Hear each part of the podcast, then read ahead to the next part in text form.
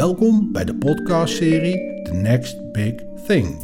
Een interdisciplinaire reeks waarin prominente wetenschappers een inkijkje geven in de toekomst van de wetenschap.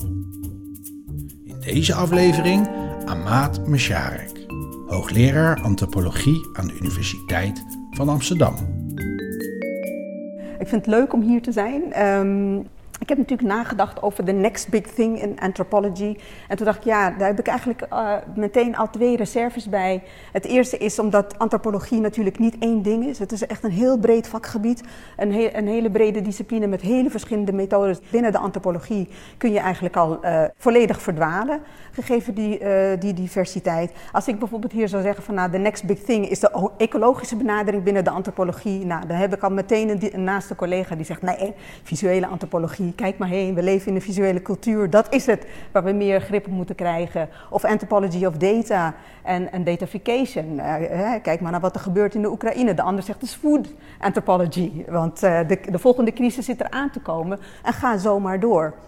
Dus er zijn heel veel gebieden waarop je uh, heel nauwkeurig zou moeten kijken. En het geeft ook aan, antropologie houdt zich bezig eigenlijk met alles in, uh, in de wereld en in de samenleving. Ik zal er later iets meer over zeggen.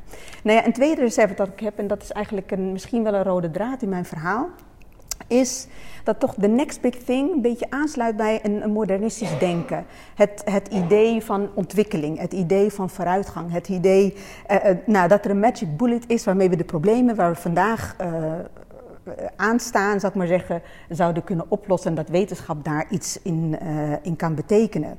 En uh, wat we eigenlijk zien is dat de ontwikkelingen, de moderne ontwikkelingen die we meemaken, altijd komen tegen een hoge prijs. Klimaatcrisis, chemische vervuiling, nucleaire afval. ruïnes van de moderne samenleving zou je kunnen zeggen.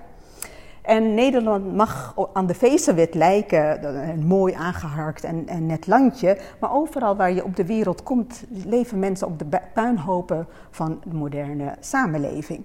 Of dat nou Europa is, Verenigde Staten, globale zuiden, zien we mensen die het er is roest, afval, uh, vervallen fabrieken, afgedankte auto's, zelfs in de Verenigde Staten, overal afgedankte computers, kledinghopen en ga zo maar door. Dus de Next Big Thing produceerde voor mij, terwijl ik hierover aan het nadenken was, toch dat geloof in vooruitgang en het idee dat we deze rotzooi wel op kunnen ruimen. Terwijl we met elke handeling die we doen, elke stap die we nemen, eigenlijk ook meer problemen creëren. Dat is het befaamde risicosamenleving uh, van, uh, van Beck en, uh, en anderen. We creëren meer chaos en meer schade. Nou, en de kunst, het is de kunst, want uh, we moeten niet bij de pakken neer gaan leggen. De kunst is dan om toch oog te houden voor mogelijkheden voor het leven. Oog te houden voor het leven en dat niet op te geven. Het is uh, wat mijn uh, collega Annette Singh heeft genoemd: The Art of Living on a Damaged Planet. De kunst om op een beschadigde planeet te leven. Nou ja, de aandacht van het leven met alle mitsen en maren die ik hier heb genoemd, um, is misschien mijn benadering op the next big thing aandacht geven aan het leven door de dood en, de af, en het verval in de ogen te kijken.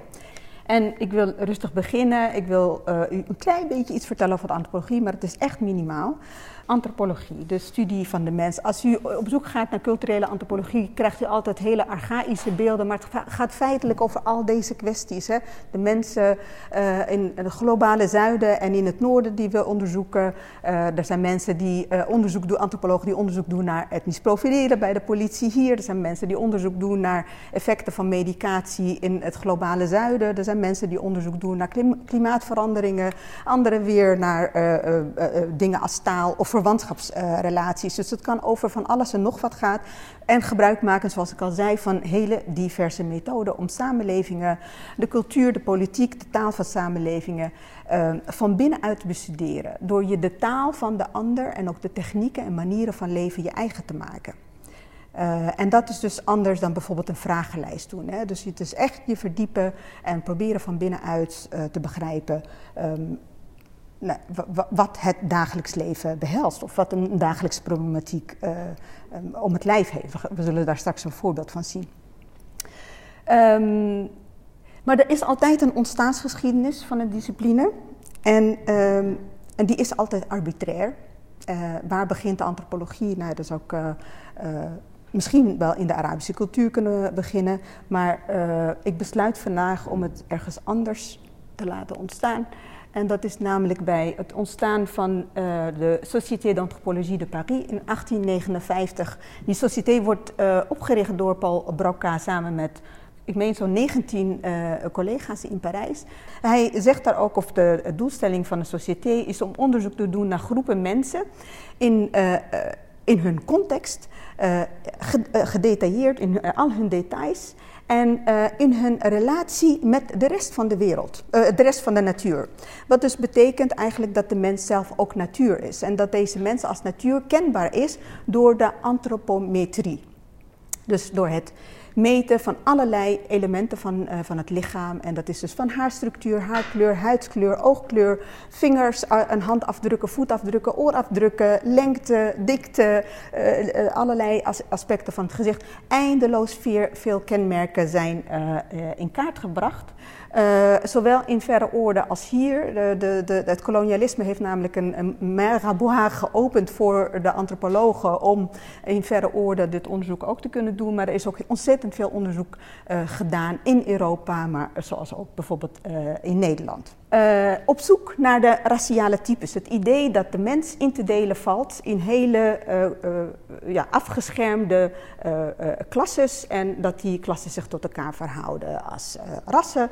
En waar in, in, eerste instantie eigenlijk niet zozeer een hiërarchie gezocht werd tussen, tussen de raciale typen, begon die steeds meer zijn intrede te doen. Ten meer omdat deze, de type kennis ook een rol speelde in uh, zeg maar dat koloniale project. In het onderwerpen van andere mensen aan, uh, aan, Europese, aan de Europese wil. Aan Nederland, Engeland en what have you. En de vorm van de schedels, of vorm van het hoofd, dat was eigenlijk een, een heel belangrijk object van studie voor de fysische uh, antropologen. Uh, de schedel sowieso, omdat de schedel als stabiel wordt geacht en daarom als een belangrijke marker voor raciale verschillen. En hier is het verschil tussen langhoofdigen, dus de, de, de, de zogenoemde cephalic index, wat de relatie aangeeft tussen de breedte en de lengte van, van, van de hoofden, zoals je ze van boven bekijkt. De langhoofdigen, de middelhoofdigen en de rondhoofdigen. Um, en de hiërarchie gaat van hoog naar laag, zal ik maar zeggen. Van uh, uh, hoog Europees wit, ik maar, naar uh, de, de mindere Europeanen of andere volkeren. Deze kennis heeft het een heel hoop ellende gelegitimeerd koloniale praktijk heb ik genoemd, uh, slavernij, omdat sommige mensen als minder werden gedacht of zelfs als niet-mensen werden gedacht. Uh, het heeft bijgedragen aan uh, dat idee van genetica, het idee dat je de kwaliteit van het volk kunt verbeteren op basis van biologische interventies, steriliseren bijvoorbeeld, of gewoon doden. Het heeft bijgedragen aan een genocide zoals we dat hebben gezien tijdens de Tweede Wereldoorlog, maar ook vele keren daarna. En, uh, en maar vooral, dus eh, dat, dat moment in, tijdens de Tweede Wereldoorlog heeft geleid naar uh, deze situatie waarbij de UNESCO een belangrijk statement heeft gepubliceerd, de UNESCO Statement on Race.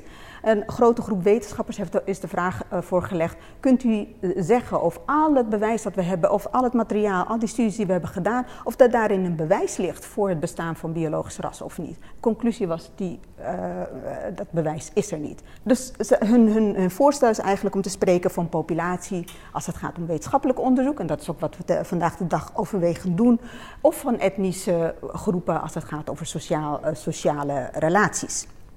Um, dat was een breukpunt. Dit was een heel belangrijk document. Betekent niet dat daarmee de geschiedenis van ras weg was. Uh, meestal is, uh, kunnen we geschiedenis niet zo makkelijk uh, achterlaten. En achtervolgt het ons op allerlei manieren waar ik later nog iets meer over wil zeggen.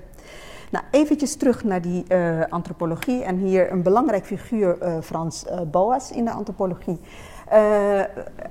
Duits-Joodse achtergrond, vestigt zich later in de Verenigde Staten, gaat zich ontzettend bemoeien tegen dat vraagstuk van uh, ras en racisme. Is zelf ook een fysisch antropoloog, heeft dus ook heel veel uh, uh, lichamen gemeten, in kaart gebracht. hij heeft bijvoorbeeld ook een belangrijke studie gedaan. Uh, om te bewijzen dat hoofdvormen als raciale uh, markers, dat dat niet werkt. Uh, hij heeft onderzoek gedaan onder een scholieren die gemigreerd zijn uit Europa, dus aankwamen in de Verenigde Staten, in Amerika. En, en eigenlijk al vrij snel van hoofdvorm veranderden. Dus dat betekent het hoofd wat we als stabiel achten en dus als marker gebruiken om mensen te klassificeren, dat zelfs dat niet stabiel is en dat het onderhevig is aan voedselpatronen en omgevingsfactoren. Nou, dat sloeg in als een bom, want dat was gewoon het werkpaardje van de fysische antropologie. Uh, om aan te geven, om een voorbeeld te geven van hoe hij heeft geïnterveneerd in dat debat over ras en racisme. Wat hij ook heeft gedaan is de zogenoemde vier velden antropologie geïntroduceerd, wat heel courant is in de Verenigde Staten. Bij ons gebruiken we dat niet zoveel. We hebben de vieze antropologie eigenlijk in de kelders van de universiteiten gestopt, omdat we niet zo goed omgaan met onze geschiedenis. Uh, uh, maar in de Verenigde Staten is het netjes verdeeld tussen fysische antropologie, die daar uh, nog, nog steeds met skeletten en schedels en zo werken, of andere lichamelijke kenmerken. De archeologie, wat inzicht probeert te geven in de materiële cultuur van oudere uh, volkeren, de linguïstiek. Het is niet zo dat wij deze vakken niet, uh, niet, niet, niet leren of niet onderzoeken hier, maar ze zijn niet zo netjes verdeeld zoals we dat in de Verenigde Staten kennen. De linguïstiek, wat zich bezighoudt met diversiteit aan talen en hoe die zich ontwikkelen en zich tot elkaar verhouden. En dan de culturele antropologie, wat eigenlijk het, kindje is geworden van, van Boas en wat hij ook door heeft gegeven aan de volgende generaties.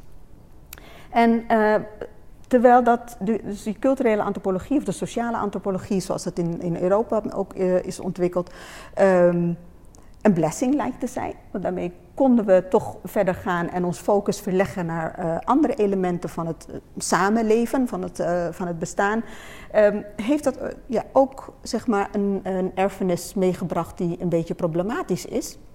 Namelijk dat ras niet alleen maar een kwestie van taal of discours is. Het komt ook in allerlei andere vormen terug. Wat u hier ziet zijn uh, beelden van Rudolf Martin, een uh, uh, Duitse fysische antropoloog, die heel belangrijk was in, het, in de Europese context, in het ontwikkelen van allerlei methoden en technieken om goed fysisch antropologisch onderzoek te doen. En dit zijn wat hij dan noemde wandtafelen om antropologen in te leiden en uh, te helpen uh, ras te kennen. Je moet je voorstellen, de meeste antropologen kwamen niet verder dan hun eigen context. En op deze manier werd, werd de, de, diversiteit van mensen, en er zaten ook Europese prenten tussen, die werd dan hier naartoe gehaald. En um,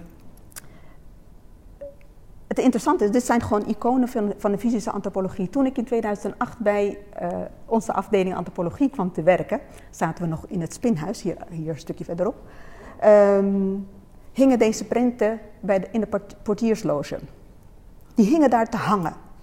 In een afdeling dat zich niet bezig hield met haar geschiedenis in, uh, in de termen van die ik net schets van ras en racisme. Ook heel weinig onderzoek of, uh, op het gebied van uh, koloniale verleden en het kolonialisme. Maar deze prenten hingen daar. Dus elke ochtend als ik dan de portiersloge binnenkwam en een praatje hield met Frans, onze portier toen de tijd, zaten die gezichten mij aan te kijken. En ik dacht, ja, wat is dit? Uh, en, waarom is dit geen uh, onderwerp van gesprek hier in, in deze afdeling? En dat zat me niet lekker. Deze aanwezigheid en afwezigheid van ras zou je kunnen zeggen. Dus dat is dat ras niet alleen maar een vertoog is, maar dat het dus ook zit in die materiële cultuur die we om ons heen hebben. Als we hier op de grachten lopen, zien we natuurlijk die geschiedenis van het kolonialisme ook weer. Uh, is, is tastbaar voor ons. Uh, die materiële aspecten ervan uh, boeiden mij. En ik was niet zo um, ja, tevreden met het idee dat we daar niet over spraken. En dat leidde tot een ERC-project, ERC Consolidator project, waar ik afgelopen uh, jaren samen met een heel groot team aan heb mogen werken. En waarbij we dat in Nederland was er natuurlijk ook niet een woord. En nu steeds meer eigenlijk, misschien ook door het antiracisme-discours en debat. Uh, maar ras was eigenlijk een woord, daar kon je het niet over hebben. En ik, ik, moet zeggen dat ik er zelf nog steeds een beetje van schrik als iemand dat zomaar noemt. Uh, ik praat comfortabel over race, omdat het toch in het Anglo-Saxische veel vaker uh, genoemd wordt. Dus racialisering in het Nederlands vind ik aangenamer. Dat, dat, mijn ongemak met twee dingen eigenlijk. Aan de ene kant zag ik dat de levenswetenschappen steeds belangrijker werd. Ik heb natuurlijk zelf ook in het lab gewerkt. Ik, weet ook, ik zag ook die genetica over ons heen komen. En heel veel maatschappelijke problemen werden vertaald in termen van biologische problemen. Denk aan criminaliteit, aan uh, ziektes, hè, die heel complex kunnen zijn. Werd toch steeds het gen voorgezocht. Dus ik zag uh, veel veranderingen en weinig gesprek daarover. En, uh, en ik hield me hard vast over wat er met, uh, met race zou gebeuren. Dat leidde tot dit project, wat eigenlijk wil zeggen, wil, als doel. Nee, ik wilde eerst eventjes doorgaan en ik kom er zo op terug waar het project over gaat. Maar u ziet, het is een project wat zich afspeelt in het forensische. In het begin heb ik gezegd, de antropologie is de studie van de mens. Uh, het is heel erg antropocentrisch, heel erg gericht op de mens zelf. En, uh, de ideeën die mensen hebben, de cultuur die mensen hebben, de taal die ze hebben, hun lichaam. Maar antropologie gaat ook over de dingen en de relaties tussen die dingen en mensen en dingen. Dat is een, een, een, een wending die langzaam maar zeker is ontstaan. Dat is ook mijn intrede tot de antropologie, antropologie van de wetenschap. Waarbij ik kijk naar de materiële cultuur van, van de wetenschap. En het is eigenlijk beter, uh, uh, mijn uh, collega en ook promotor Annemarie Mol heeft het begrip praxiografie geïntroduceerd. Wat gaat niet zozeer over het beschrijven van hoe mensen cultuur maken, maar hoe dat in praktijk gebeurt. En in die praktijk vinden we mensen en dingen die met elkaar moeten interacteren. Ik loop hier als een cyborg met toch een beetje te pielen met mijn microfoon om sociabiliteit mogelijk te maken tussen jullie en, uh, en mij, want anders zal mijn stem gewoon niet zo ver rijken. Uh, dat is een relatie die we hier met elkaar aan zijn gegaan zonder het zo expliciet door te hebben, zeg maar. Dus um, gericht niet alleen op mensen, maar ook op de dingen waarmee we ons omringen. En niet alleen maar als stoffering, maar omdat ze ons ook echt iets doen. Hè. Ze mogen maken communicatie mogelijk, zoals in dit geval. Um, en dit is moet ik meteen duidelijk zeggen dat de antropologen vanaf het begin natuurlijk oog hadden voor de materiële cultuur, maar heel vaak als uh, uh, iets waar mensen betekenis aan geven of als iets wat een symbolische betekenis heeft. En dat is de, de breuk die hier is ontstaan. Dat het niet alleen maar gaat om betekenis geven en symbolen, nee, de dingen doen ook echt iets met ons leven. We hebben net we, zitten nog steeds middenin. De COVID-situatie, uh, hoe wetenschap en techniek, maar ook dat virus je ons heeft geraakt, uh, is ontegenzeggelijk. En het geldt natuurlijk ook voor uh, allerlei andere technische systemen die we om ons heen hebben. De zorgen die we hebben gehad over de medische praktijk en, en, hoe dat verder moest. Uh, dit is dus de relatie die ik wilde duiden. Dat antropologen vaak kijken naar de relatie tussen dingen en, en mensen en in specifieke praktijken. Nou, dat is de aan de basis van, van dit project, dus Race Face ID. Ook daar stellen we ons de vraag van op welke manier wordt ras en racialisering tot stand gebracht in specifieke praktijken. Waar we naar hebben gekeken zijn forensische praktijken waarbij een gezicht werd gegeven aan een onbekende verdachte of een onbekend slachtoffer. Verschillende forensische technieken die daarbij gebruikt werden. Uh, uh, hier links uh, genetica, DNA, dat je op basis van biologische sporen een DNA-profiel produceert en op basis van dat profiel iets zou kunnen zeggen over het uiterlijk van een onbekende verdachte.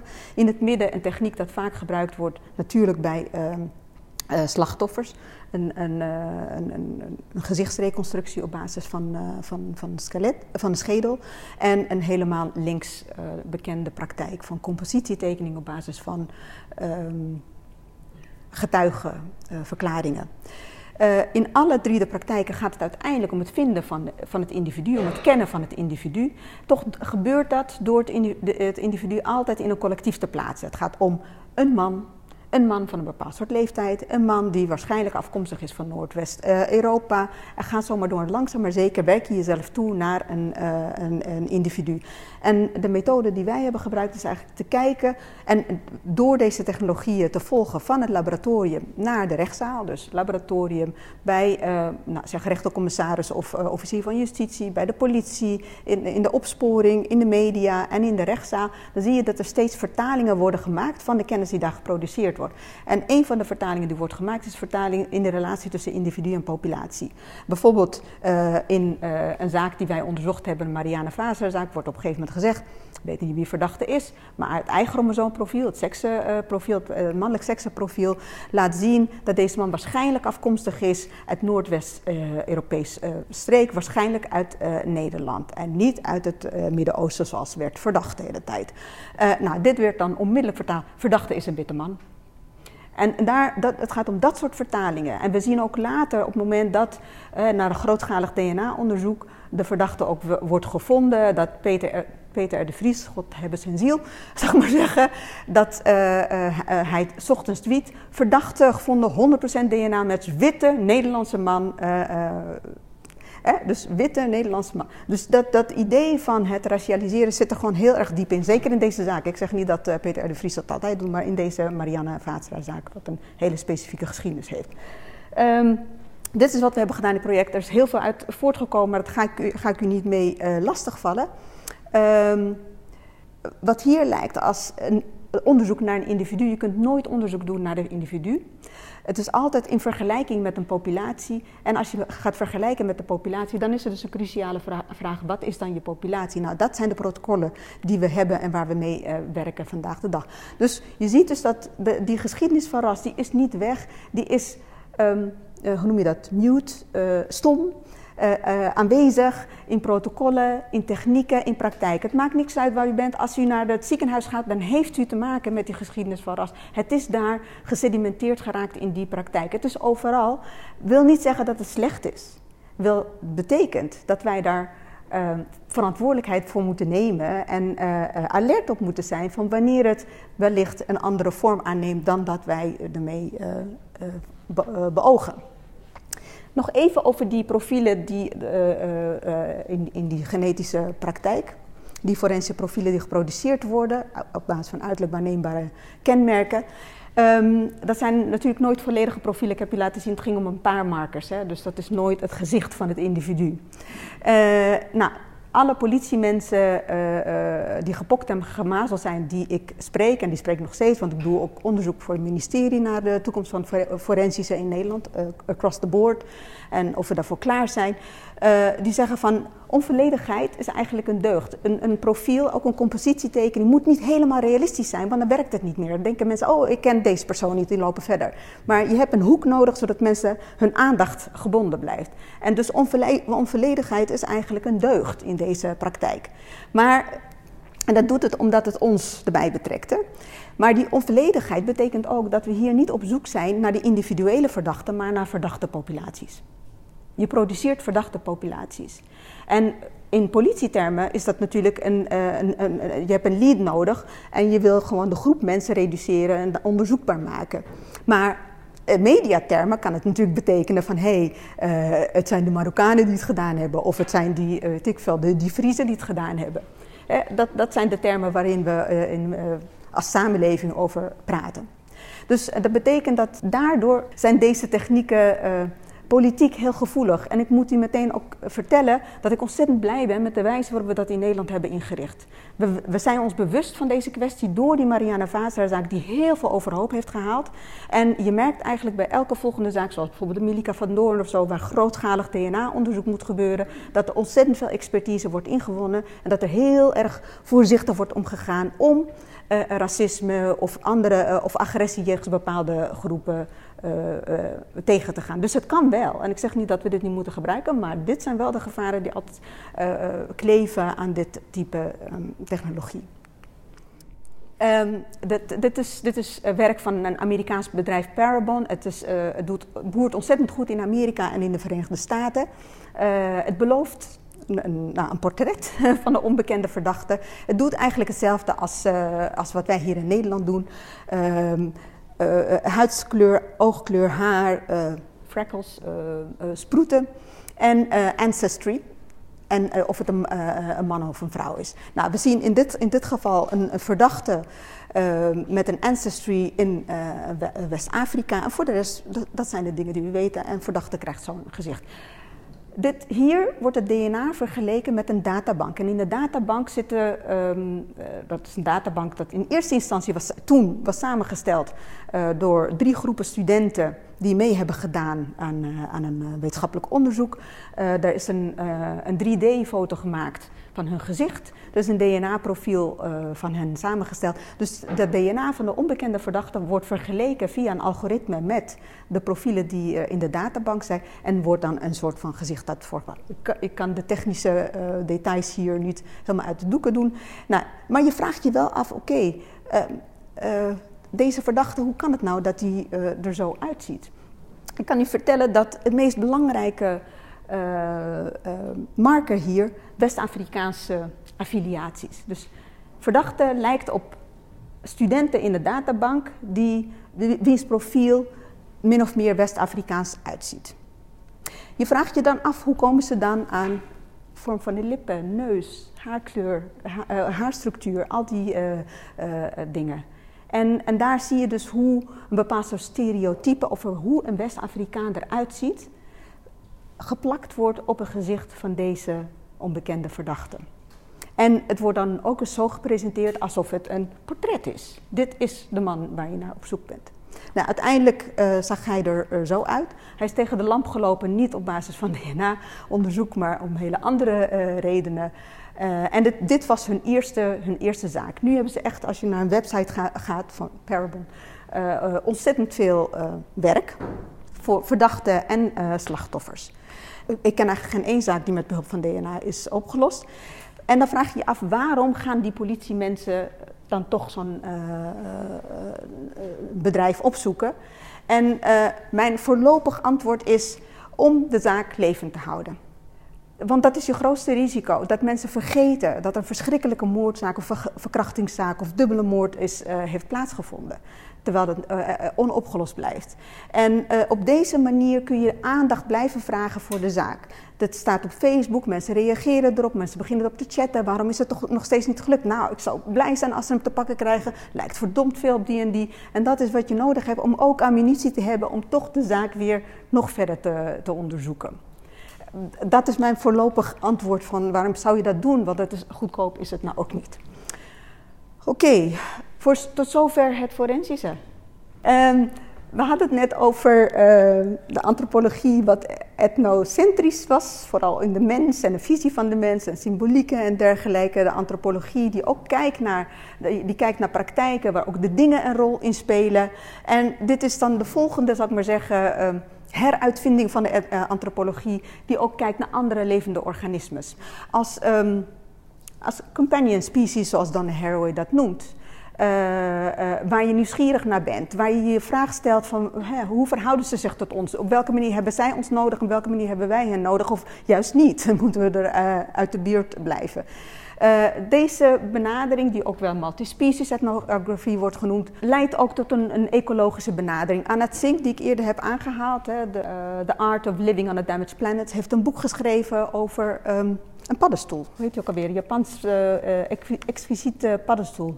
Matsuzaki. Het is een, paddenstoel die bijna aan het uitsterven is, maar tegelijkertijd popt die op juist op de ruïnes van het kapitalisme, ruïnes van de samenleving, op chemisch vervuild grondgebied uh, blijkt hij ook heel goed te kunnen uh, boeren. Zij volgt eigenlijk de, uh, de paddenstoel en ook het, de handel erin, de prijs ervan, um, de, de, de sociabiliteiten die het omheen, om zich heen organiseert.